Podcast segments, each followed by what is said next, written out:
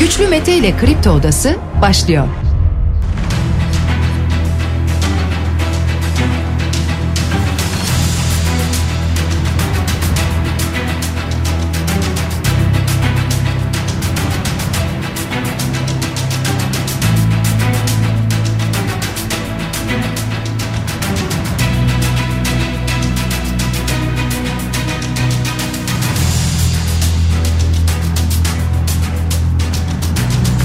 16 Ocak pazartesi sabahından Kafa Radyo'dan Kripto Odası'ndan tüm Türkiye'ye yurt dışında bizi dinleyen dinleyicilerimize günaydın. Hepinize sağlıklı ve güzel bir gün dileyerek her sabah olduğu gibi programımıza başlıyoruz. Bugün de Kripto Odası'nda saat 10'a dek sizlerle birlikte olacağız. Gündemdeki başlıkları değerlendireceğiz. Sizler de görüşlerinizle fikirlerinizle programa katılmak isterseniz Twitter üzerinden güçlü mete yazarak bana ulaşabilirsiniz. WhatsApp hattımızın numarası 0532 172 52 32. Cumhurbaşkanı Erdoğan'ın yaptığı açıklamalar var. Altılı masaya eleştirileri var seçimden bahsediyor. Eski Türkiye ile yeni Türkiye arasında bir tercih yapacağız diyor Cumhurbaşkanı. Kemal Kılıçdaroğlu'ndan birçok açıklama geldi. Davutoğlu'nun açıklamasına ilişkin bu yetki tartışmasına ilişkin de bir cevabı var Kemal Kılıçdaroğlu'nun. Bu arada yine kadınlarla ilgili mesajlar verdi. İstanbul Sözleşmesi sadece bir başlangıç olacak dedi. Devlet Bahçeli'den altılı masaya bir çağrı var. Gelin Erdoğan'ın etrafında tek yumruk olalım diyor Devlet Bahçeli. Buna da bir cevap geldi. Bu da Ahmet Davutoğlu'ndan geldi. Birazdan bunlara program içerisinde yer vereceğiz. Siyaseten birçok açıklama var sevgili dinleyiciler. Meral Akşener tarafından yayınlanan bir video var veya İyi Parti'nin bir videosu var diyebiliriz. İyi Parti'nin ilk seçim videosunu paylaştı. Meral Akşener devlete adalet yakışır etiketiyle paylaştı. Ali Babacan'dan Erdoğan'a yönelik gelen mesajlar var. Bunlara da önümüzdeki dakikalarda yer vereceğiz sevgili dinleyiciler. Nurettin Nebati'den küçük yatırımcıya mesaj var borsayla ilgili.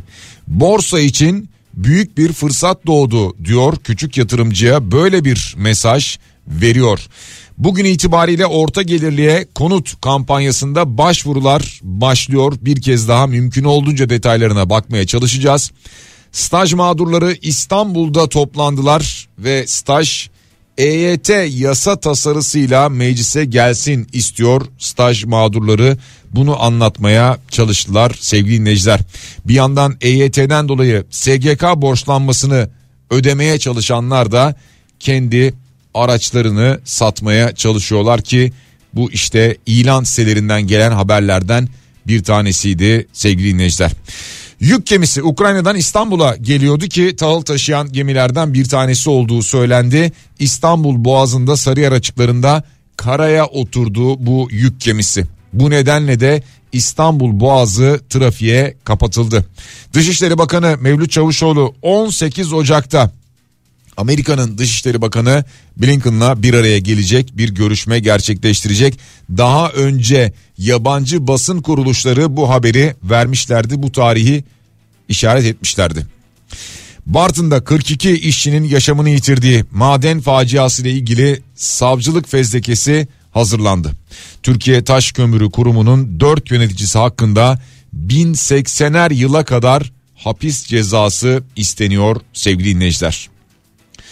Elazığ'da bir deprem meydana gelmişti hafta sonu 4.9 büyüklüğündeydi. Deprem sonrası olumsuz bir durum gelmedi. İzmir'den de gelen bir deprem haberi var. Biraz sonra bunlara bakacağız, yer vereceğiz. Olumsuz bir haber yok onu da söyleyelim.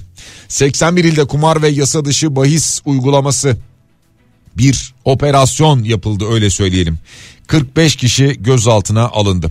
Nepal'de bir yolcu uçağı düştü. 68 kişi hayatını kaybetti. Şu ana kadar gelen bilgilere göre hatta bu yolcu uçağı düşmeden önce uçağın içinden kaydedilen bazı görüntüler var ki çok acı tabi ama bu görüntüler de sosyal medya üzerinde yayınlandı ve çokça izlendi hava sıcaklıklarının artacağı ifade ediliyor. Tabi tüm bunlarla beraber şunu da söyleyelim. Bu aslında iyi bir şey değil. Kuraklık tehlikesi dolayısıyla devam ediyor. Birçok bölgede yağış yetersiz kalıyor. Havalar da bazı bölgelerde yeterince soğumuyor.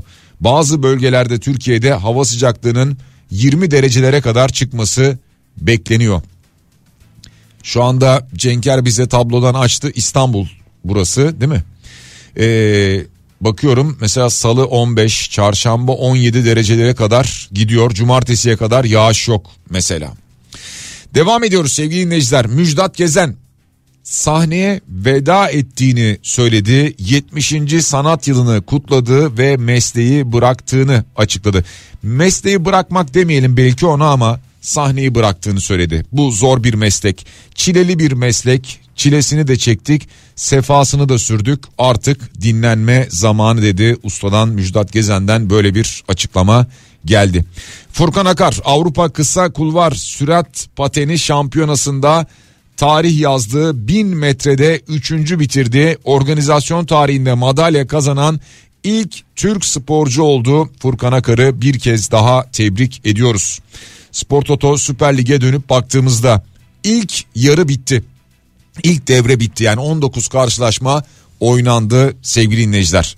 Şimdi tabloya şöyle bir baktığımızda ilk yarıyı Galatasaray lider olarak bitirdi 42 puanda. Fenerbahçe 38 puanla ikinci Başakşehir geliyor hemen 34 puanla üçüncü sırada Fenerbahçe'nin arkasından. Dördüncü sırada Adana Demirspor'u görüyoruz 33 puanda. Beşinci sırada 32 puanla Beşiktaş, altıncı sırada 32 puanla Trabzonspor yer alıyor. 19. haftayı yani ligin ilk devresini bu şekilde kapatmış olduk. Bir ara olacak mı? 20 Ocak'ta başlayacak yeniden maçlar. Yani 20. hafta maçları ikinci yarının ilk maçı 20 Ocak tarihinde başlıyor sevgili dinleyiciler. Hemen bir de haftanın başında finans tablomuza şöyle bir bakalım. Dolar 18 lira 78 kuruş civarında işlem görürken euro 20 lira 40 kuruş civarında 20-40 euro. Gram altın bunlar liste fiyatı önümüzde 1160 lira civarında serbest piyasada 1170'ten daha yukarıdadır. Çeyrek altın 1862 ama muhtemelen bu da 1880'den daha yukarıda satılıyordur diye tahmin ediyoruz. Borsa İstanbul 5000 puanı geçecek mi geçmeyecek mi bakalım yeni haftaya nasıl başlayacak 4984 puanla açılacak geçen hafta önce biraz kayıplar vardı sonra son iki gün biraz toparladı ve 4984 puana geldi ki borsaya yatırımı işaret etti yine Hazine ve Maliye Bakanı Nurettin Nebati. Bitcoin'e dönüp baktığımızda Bitcoin bir hayli yükseldi son günler içerisinde. Son 10 gün içerisinde biliyorsunuz 16 bin dolarlardan bahsederken 17-18 derken şu anda Bitcoin'in karşılığı 21.178 dolara kadar geldi sevgili dinleyiciler. Peki gündemdeki başlıkları kısaca böyle sıralamış olduk. Sadece bunlar değil bunlar dışında aktaracağımız başlıklar da var. E, siyaseten baktığımızda ne gibi haberler çıkıyor karşımıza? E tabii ki şimdi seçim seçim tarihi daha net değil ama yaklaştıkça siyaseten birçok mesajı konuşacağız. Siyasiler birbirlerine sert mesajlar verecekler. Bir takım dosyalar açıklıyoruz diyerek bir takım dosyalar açıklayacaklar. Basınla kamuoyuyla bunları paylaşacaklar. Rakiplerini zayıflatmak adına ellerinden gelen ne varsa bunları kullanacaklar.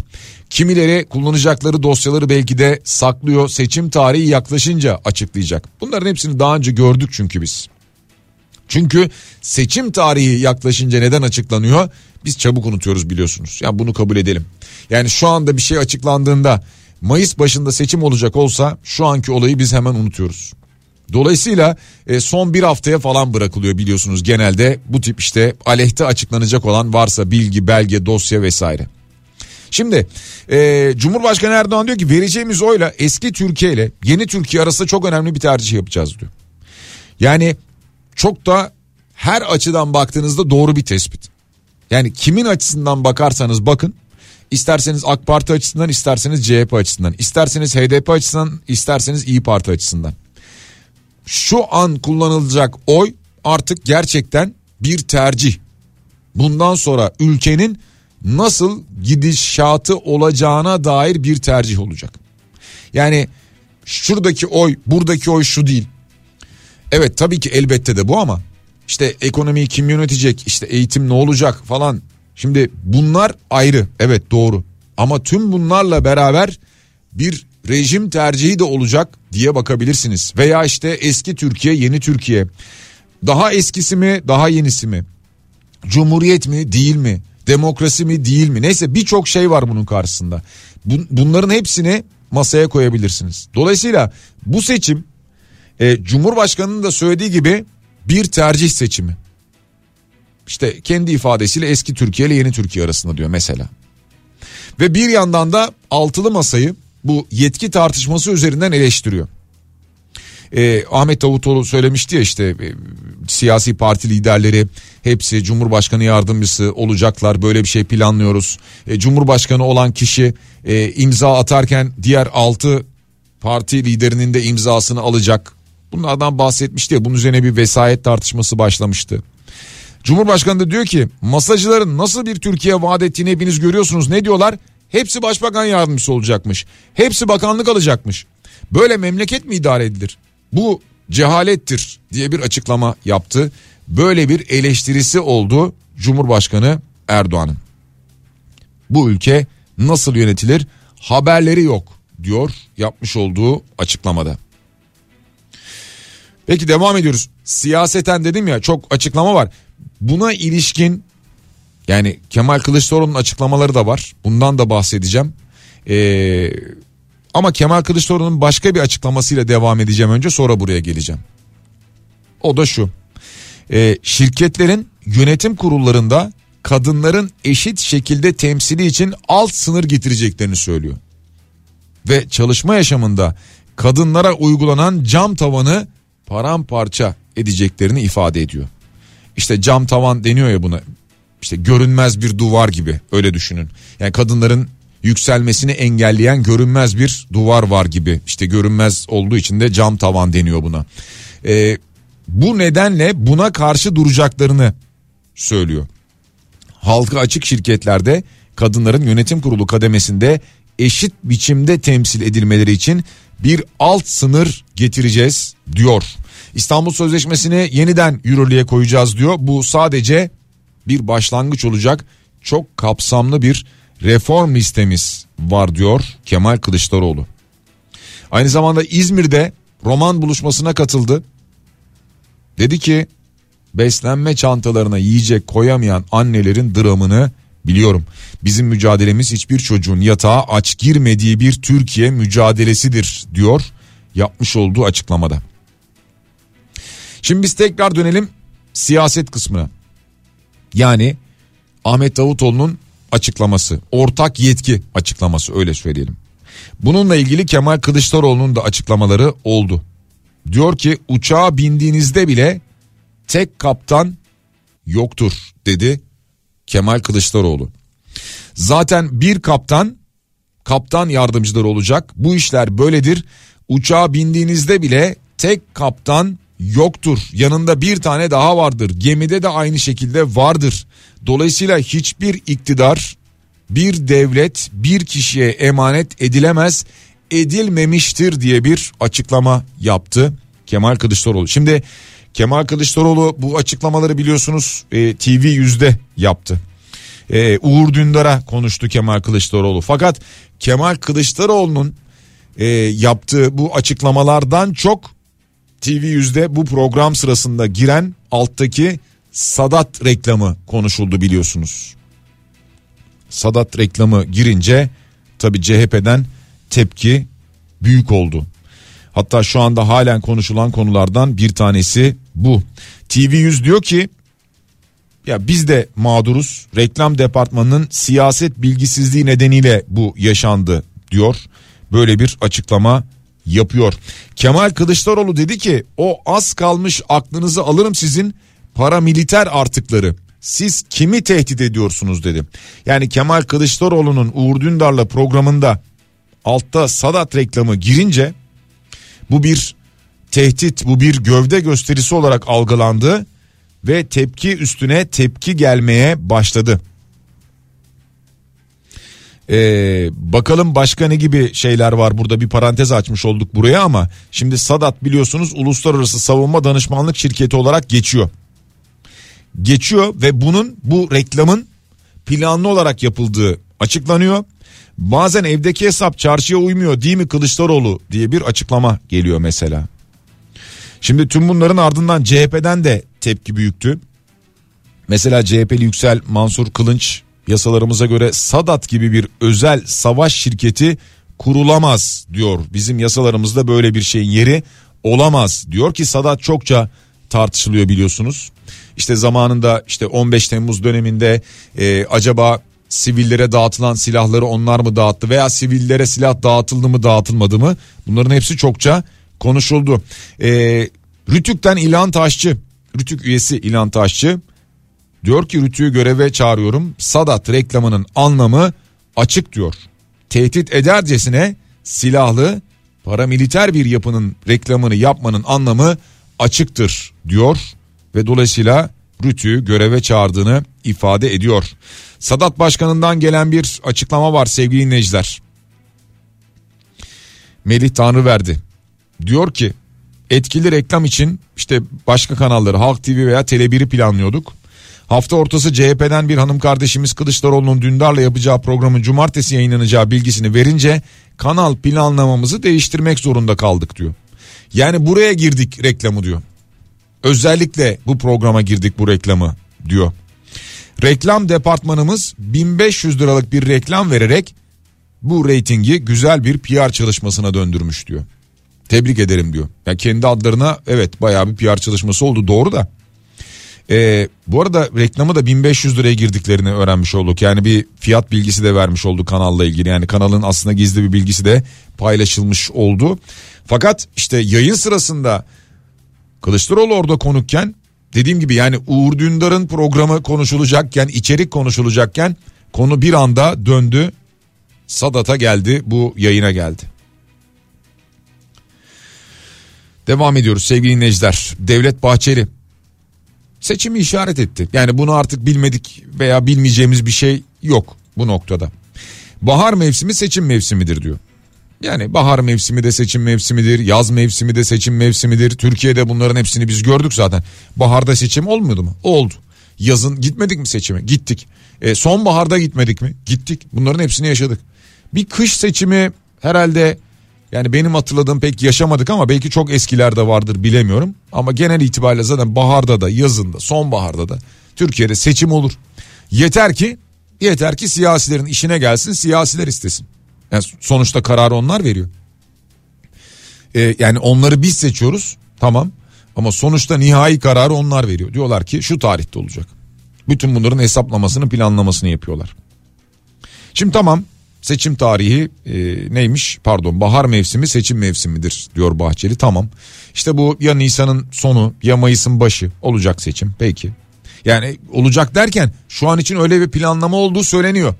Ee, ama biliyorsunuz AK Parti'nin iddiası ve talebine Cumhurbaşkanı Erdoğan'ın kararıyla seçime gidelim diyorlar. Yani ne demek istiyorlar? Ee, meclise gelip mecliste görüşülsün ve oradan bir oy çıksın o şekilde gidelim değil. Cumhurbaşkanı Erdoğan meclisi feshetsin ve ondan sonra 60 günlük süreç başlasın. Yani eğer eğer Mayıs'ın diyelim ki 7'sinde seçim olacaksa veya 14'ünde bilmiyorum. Tam 2 ay geriye gelin. Ne oluyor? Mart'ın işte 7'si veya 14'ü oluyor. O tarih gibi bir tarihte o dönemde aslında Cumhurbaşkanı'nın meclisi feshetmesi gerekecek. Dolayısıyla ona da daha bir süreç var önümüzde. Ha bu arada tabii enteresan bir çıkış oldu Devlet Bahçeli'nin altılı masaya seslendi. Gelin Sayın Erdoğan'ın etrafında tek yumruk olalım dedi. Ya bilmiyorum yani altılı masadan tabi buna bir cevap geldi de e, yani altılı masa e, buna nasıl bir reaksiyon verir? Ha evet Devlet Bahçeli çağırdı bizi Erdoğan'ın etrafına hadi biz de gidelim tek yumruk olalım demeyeceklerdir. Demiyorlar zaten netice itibariyle. E, Ahmet Davutoğlu bu konuda bir açıklama yapıyor. Diyor ki demek ki Bahçeli'nin desteği yetmiyor diyor. Perinçek'in desteği yetmiyor. Beşli Çete'nin desteği yetmiyor. Bir takım karanlık yapıların desteği yetmiyor. Ankara'da gencecik insanları öldürenlerin desteği yetmiyor. Bizden destek istiyor. Hadi başa kapıya dedi. Ahmet Davutoğlu böyle bir açıklama yaptı sevgili dinleyiciler. Yine altılı masadan da bahsetti aynı zamanda. Diyor ki Biz 6 siyasi lider omuz omuza verdik. Erdoğan'la Bahçeli'nin oyununu bozduk. Milleti birleştirmeye çalışıyoruz. Sayın Erdoğan bundan rahatsız diyor. Böyle bir açıklaması var. Erdoğan'la ilgili diyor ki başında Bahçeli vesayeti var. Korkuyor Bahçeli'den. Sana urgan atmış olan Bahçeli'yi ipin ucunu niye teslim ettin ey Erdoğan diye bir sorusu var. Aynı zamanda Davutoğlu'nun böyle bir açıklaması var. Geçiyoruz sevgili dinleyiciler. Meral Akşener. Şimdi İyi Parti cephesinden e, Meral Akşener'den bir seçim videosu. Dolayısıyla aslında seçim çalışmalarına sosyal medyadan start verildiğine dair bir haber. Devlete adalet yakışır etiketiyle paylaşıyor bu videoyu. 20 yıldır ülkemizi esir alan bu adaletsiz düzeni milletimizle birlikte sandıkta değiştireceğiz. Çünkü devlete adalet yakışır notunu ekliyor. Türkiye'nin bir gecede hukuksuz bir şekilde çıktığı İstanbul Sözleşmesi'nden çekilme kararına dair İyi Parti iktidarında daha çayın masaya gelmeden İstanbul Sözleşmesi yeniden yaşatılacak diyor. Yani İstanbul Sözleşmesi'ni zaten altılı masa gündemine almış durumdaydı. Bildiğim kadarıyla sadece orada e, Saadet Partisi kanadında bir e, itiraz var öyle söyleyelim. Yani altılı masada altı siyasi partiye baktığımızda bir tek Saadet Partisi orada çok yakın durmuyor sanki İstanbul Sözleşmesi'ne gelen duyumlar en azından böyle. Ama bu konuda bir açıklama yaparlar net bir şey söylerler. Hayır biz karşı değiliz biz de aynı düşünüyoruz derler onu da paylaşırız. Ee, videoda 5, 10, 15 maaş alan saray danışmanları sosyal medya sansürünü içeren dezenformasyon yasası ve İstanbul Büyükşehir Belediyesi Başkanı Ekrem İmamoğlu'na verilen hapis cezası da vardı. Ya bilmiyorum bu videoyu tabi izleyebildiniz mi izleyemediniz mi ama geldikleri gibi giderler. Geldikleri gibi sizin iradenizle gidecekler diyorlar. İstanbul'da billboardlara yansıyan kampanya fotoğraflarında İyi Parti'nin sevgili dinleyiciler. Ve Ali Babacan Deva Partisi'ne bakıyoruz. Partisinin eylem planlarının tanıtıldığı grup toplantısı vardı. Bir toplantı vardı veya öyle söyleyelim. Burada konuştu. Ee, Cumhurbaşkanı Erdoğan'ı eleştirdi.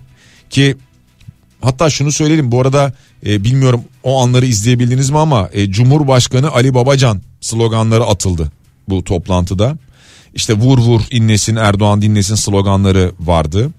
E, şimdi hatırlarsanız Cumhurbaşkanı Erdoğan Ali Babacan'la ilgili o dönemleri anlatırken yani Ali Babacan ekonomiyle ilgili yaptıklarını anlattıktan sonra e, Erdoğan demişti ki ben imza atmasaydım yapamazdı demişti.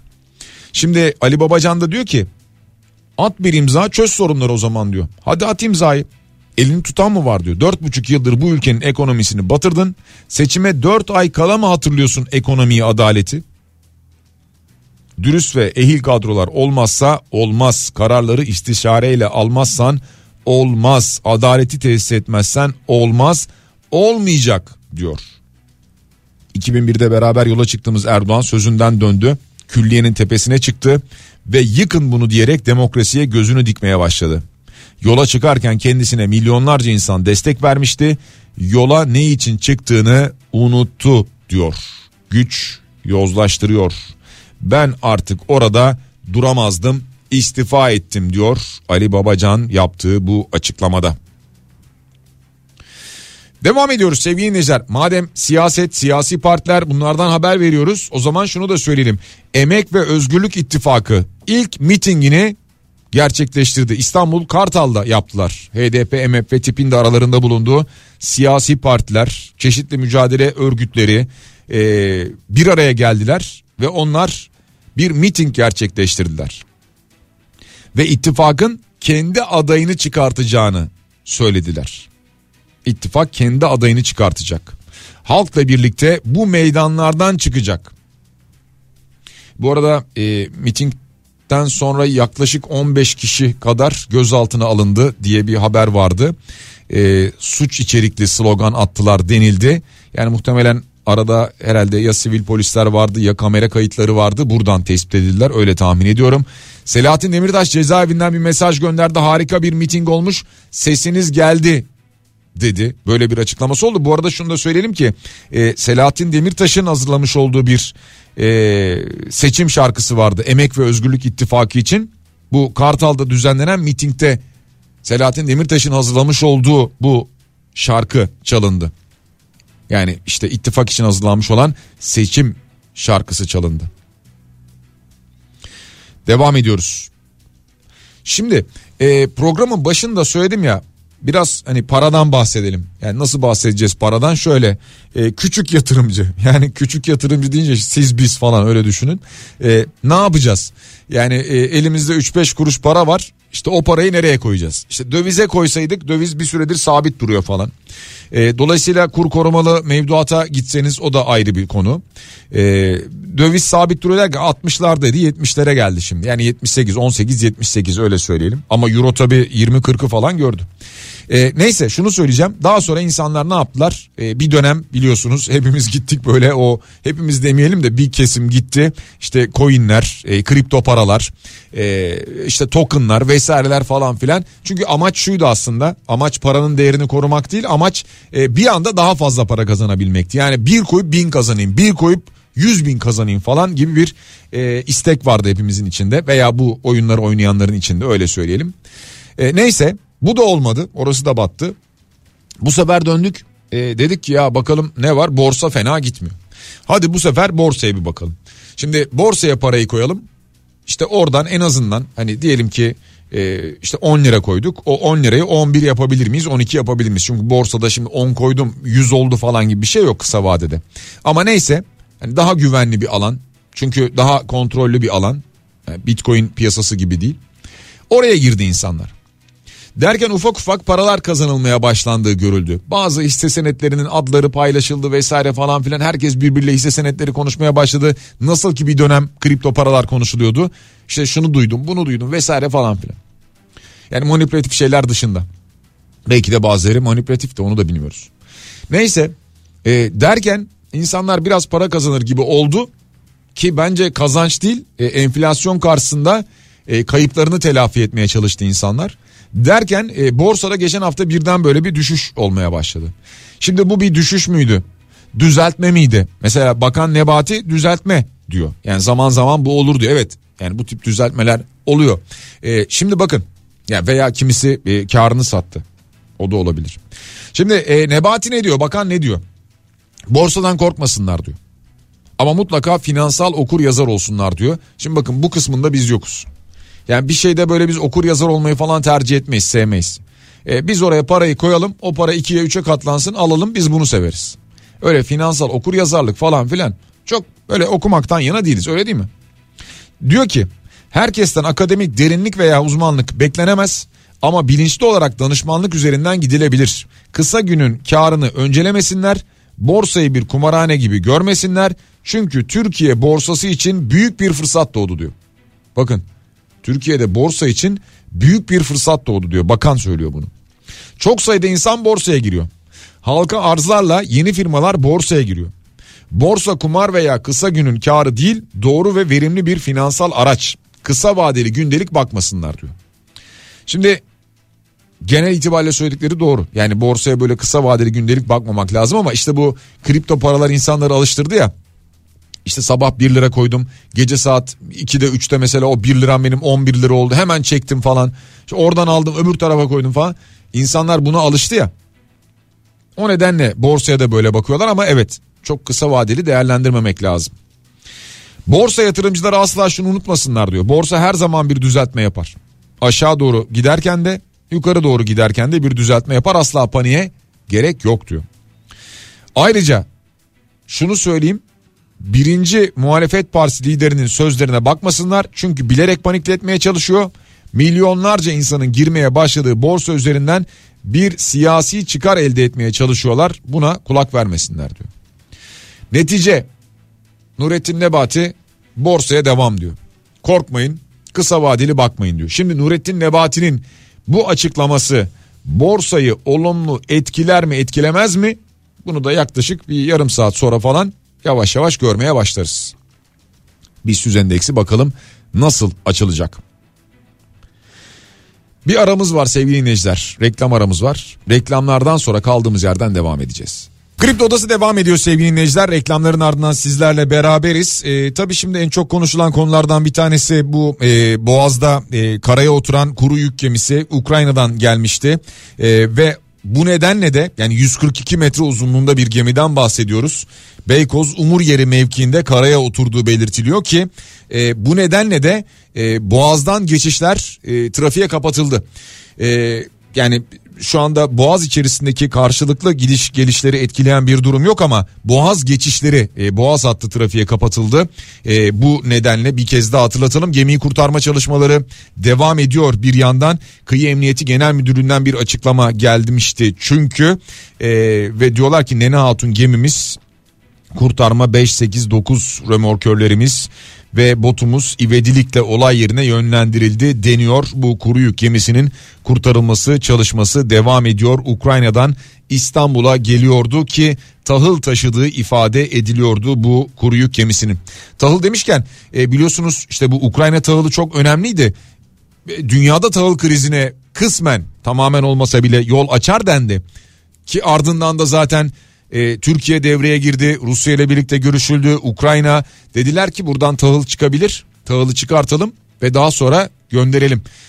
Fakat Türkiye'nin ve Rusya'nın istediği gibi olmadı bu.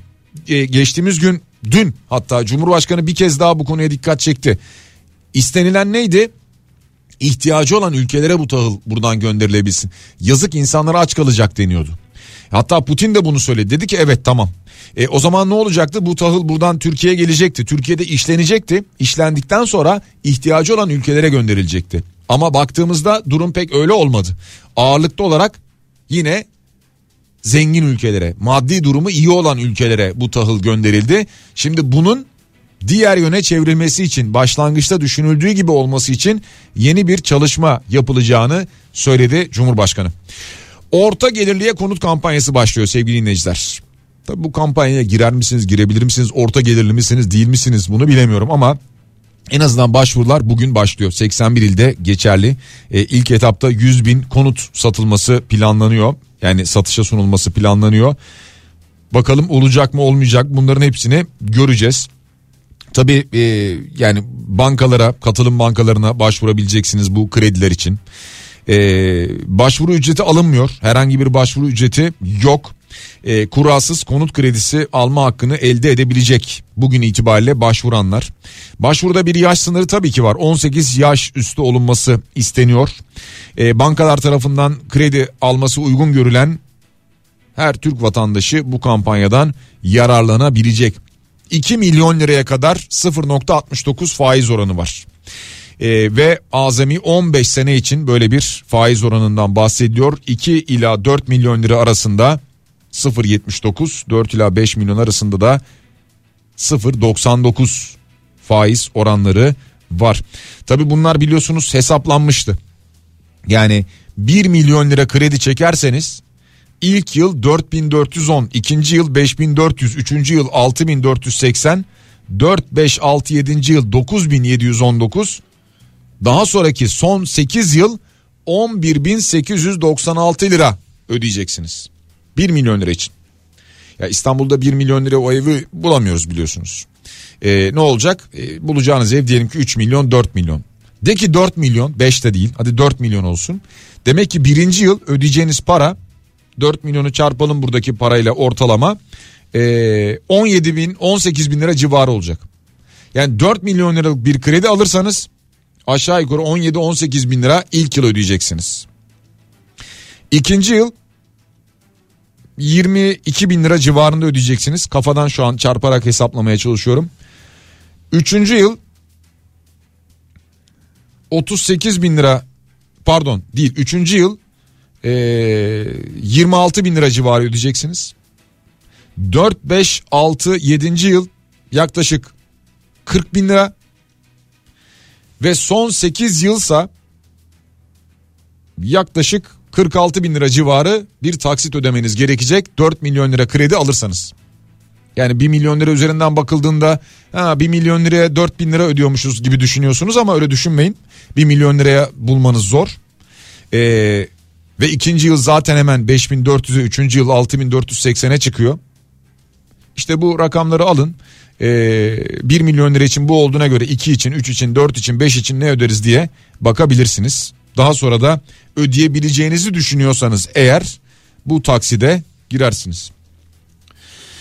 Staj mağdurları İstanbul'da toplandılar. Bize de zaman zaman mesajlar gönderiyorlar. Biliyorsunuz e, staj ve çıraklık sigortası sayılmıyor diyorlar. Bunlar da sayılsın EYT'ye biz de dahil olalım diyorlar. En büyük istekleri bu.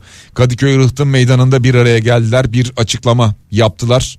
E, ve diyorlar ki bu işte staj dosyası da EYT yasa tasarısıyla meclise gelsin. İstiyorlar bunu ama Çalışma ve Sosyal Güvenlik Bakanı Vedat Bilgin stajın ayrı sayıldığını söylemişti. Yani staj bir çalışma değil bir eğitimdir diyordu. Hani buradan farklı bir adım atılır mı atılmaz mı bilmiyorum ama daha EYT gelmedi ki meclise. Ya bir de o var değil mi? Yani EYT ile ilgili açıklamalar yapıldı, sözler, vaatler vesaire falan hepsi çıktı. E, ama EYT meclise gelmedi. Yani e, şunu anlamaya çalışıyorum ki anlayamıyorum. Bir şey bir konu bir konudaki düzenleme yasal düzenleme istendiği anda şak diye yapılabiliyor. Ama EYT ile ilgili düzenleme mesela geçen yıl bitecekti kapanacaktı göya bu konu kapanmadı. Açıklamalar yapıldı evet işte vaatler olacak vesaire falan meclise gelmedi ya. ya mecliste görüşülmedi yani meclisten geçmedi. Ne zaman olacak? Ne zaman gelecek? Ne zaman geçecek? Uygulama ne zaman başlayacak? İnsanlar hangi ay itibariyle maaş almaya başlayacaklar? Burada bitti. Şimdi en azından şöyle bir şey oldu. EYT'lerin sesi kesildi değil mi? Ya ben de dahilim. Yani bu kötü anlamda söylemiyorum. Ne oldu? Ses kesildi. Tamam işte bak yapacağız dedik kardeşim bitti. Şimdi EYT'li bir şey diyemiyor. EYT'li sadece şunu söylüyor. E yapacağız dediniz ne zaman yapacaksınız? Şu anki beklenti bu. İşte Ocak sonunda meclise gelir falan dendi. Niye Ocak sonunda geliyor? Niye Ocak başında gelmedi? Niye Aralık sonunda gelmedi? Ocak sonunda gelecek hemen geçecek mi? 1 Ocak itibariyle uygulanmaya başlanacak mı? Şubat başı mı diyeceksiniz Mart başı mı? Yoksa yoksa bir dakika ya seçimi de biz e, Mayıs'ta yaparız. O yüzden Nisan diye kabul edelim. Mayıs'ın başında parayı verelim. Hani sıcak para böyle güzel verilmişken ardından da seçime gidelim mi düşünülüyor. Yani şu an her şey düşünülüyor olabilir çünkü. İnsanlar bu EYT'de askerlik ve doğum borçlanması için SGK'ya başvuruyorlar. Demin yine ben televizyonda gördüm kuyruklar oluşmuş. Borçlanmayı halledebilmek için. Ve ödemelerini yapabilmek için de araçlarını satıyorlar, arsalarını satıyorlar. Cep telefonları, özel eşyaları hep böyle ilanlarda şu yazıyor. Gördünüz değil mi işte EYT nedeniyle satılık. EYT için satışta. işte EYT amaçlı satılık. Hep bu ilanları görüyoruz. Yani bu şu demek EYT amaçlı. Yani benim ihtiyacım var. ihtiyaçtan acil satıyorum. Sebebi de EYT. Yani bu SGK borçlanmamı yapacağım. Şu anda en çok gündemde olan konulardan bir tanesi bu. Benzine zam geliyor. Yani zam gelmesi bekleniyor bu gece yarısından itibaren. Nihat da söyledi bunu duymuşsunuzdur. Ee, ama yine hatırlatalım. Bu gece yarısından itibaren geçerli olacak 67 kuruşluk bir zam bekleniyor benzinin litresine. E, motorinde şu an bir değişiklik öngörülmüyormuş ama e, gelen bilgi bu şekilde. Yani benzin alacaksanız aracınız benzinli ise deponuz boşsa e, şimdiden almanızda yani gün içinde en azından almanızda fayda var. Devam ediyoruz sevgili dinleyiciler. E, Dışişleri Bakanı Mevlüt Çavuşoğlu 18 Ocak'ta e, Amerika'nın Dışişleri Bakanı Blinken'la görüşecek bir araya gelecek. Şimdi bu görüşmeye dair aslında birkaç bilgi var. E, işte FETÖ'cülerin e, Amerika'daki varlığı deniyor mesela. E, terör örgütü YPG PKK'ya verilen destek bunlardan bahsediyor ve F-16 savaş uçağı alımı bunlardan bahsediliyor evet. E, ama burada bence en çok konuşulacak konulardan bir tanesi herhalde Türkiye-Suriye ilişkisi e, normalleşme adım olacak. Çünkü Çavuşoğlu diyordu ki Amerika bunu çok istemiyor gibi görünüyor. E, bir araya gelinecek mi gelinmeyecek mi tekrar? Üç lider buluşacak mı? Üç lider biliyorsunuz birisi Putin yani Putin'in ev sahipliğinde Erdoğan ve Esad bir araya gelecek mi? E, bunların hepsi önemli konular ama bu mesela Amerika'da artık Amerika'ya gidip de YPG PKK'ya destek veriyorsun. E tabii ki Türkiye bunları söyleyecek de Amerika vermeye devam ediyor. Yani bu yıllardır devam ediyor. Bunda Çok değişen bir şey oldu mu? Yani Türkiye söyledikçe bir şey değişti mi mesela? Hayır. Veya işte Amerika'daki FETÖ'cülerin varlığı deniyor. E, Fethullah Gülen'i e, senelerdir istediğimizi söylüyoruz değil mi? Ya Türkiye bunu söylemiyor mu? E, ne dedik? E, koli koli belge gönderdik dedik. E, deliller yolladık dedik. Olmadı bir daha işte Dışişleri Bakanı gitti. Yine kolilerle belge götürdü, bilgi götürdü, delil götürdü dedik. Ya Amerika'da şöyle bir şey oldu mu mesela? E, aldık gözaltına falan bir işte e, toparladık hepsini. E, bir bakalım neymiş ne değilmiş soruşturma açtık. E, ifadelerini alıyoruz falan. Hiç böyle bir şey oldu mu? Yok. Yani dolayısıyla yine bir şey çıkmayacak ama e, tabii ki Türkiye bu talebini dile getirecek veya YPG PKK'ya verilen destek. İşte şimdi bugün olmasa yarın öbür gün göreceksiniz yine e, bir Amerikalı bir komutanın e, YPG'li biriyle yan yana fotoğrafını göreceksiniz yani yarın öbür gün. Ha F-16 savaş uçağı alımını bilemiyorum. Yani burada bir pazarlık halen daha devam ediyor. O e, yani böyle kongrenin elinde duruyor. Bir yandan bazen diyorlar ki evet olabilir sonra diyorlar ki dur olmaz. Bir sürü şey var yani bir, bir, bir karışık orası gerçekten arkada e, ciddi anlamda yani fiyat anlamında demiyorum para anlamında demiyorum ama e, farklı konularla ilgili bir pazarlık dönüyor olsa gerek talepler var karşılıklı.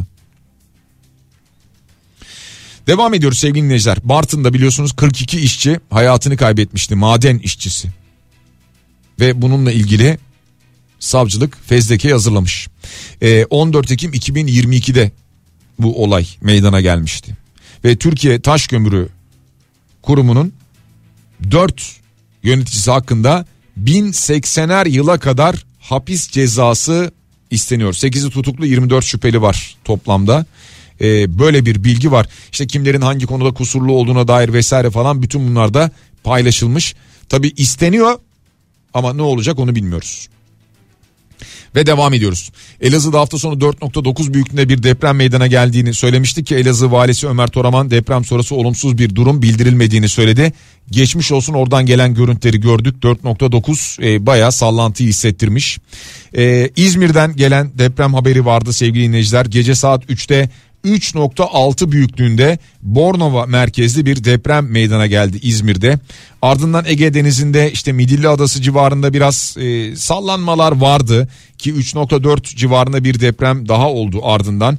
E, sabah saat 7.30 sularında meydana gelen bir deprem vardı. Daha sonra Bornova'da 3.1'lik bir deprem oldu ki 7.42 civarında gerçekleşen bir depremdi bu deprem sevgili dinleyiciler. Yine sonra 2.4 büyüklüğünde bakıyorum 9.18'de meydana gelen bir deprem olmuş. Muhtemelen bu artık hissedilmemiştir diye tahmin ediyorum ama depremi Elazığ'da da İzmir'de de çevresinde de yaşayan hisseden herkese geçmiş olsun dileklerimizi iletiyoruz. Nepal'de bir yolcu uçağı düştüğünü söylemiştim.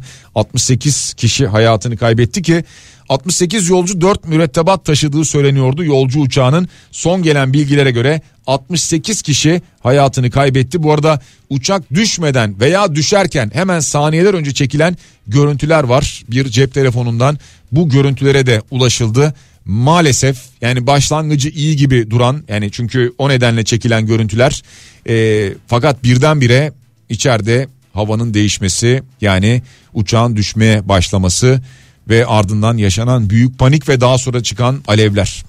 Ee, gerçekten çok kötüydü.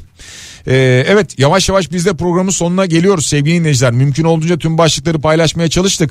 Şimdi veda ederken Onla Tunç'u anacağız. Onla Tunç e, bu ülkeye gerçekten e, gelmiş geçmiş çok önemli müzisyenlerden, bestecilerden, aranjörlerden birisidir.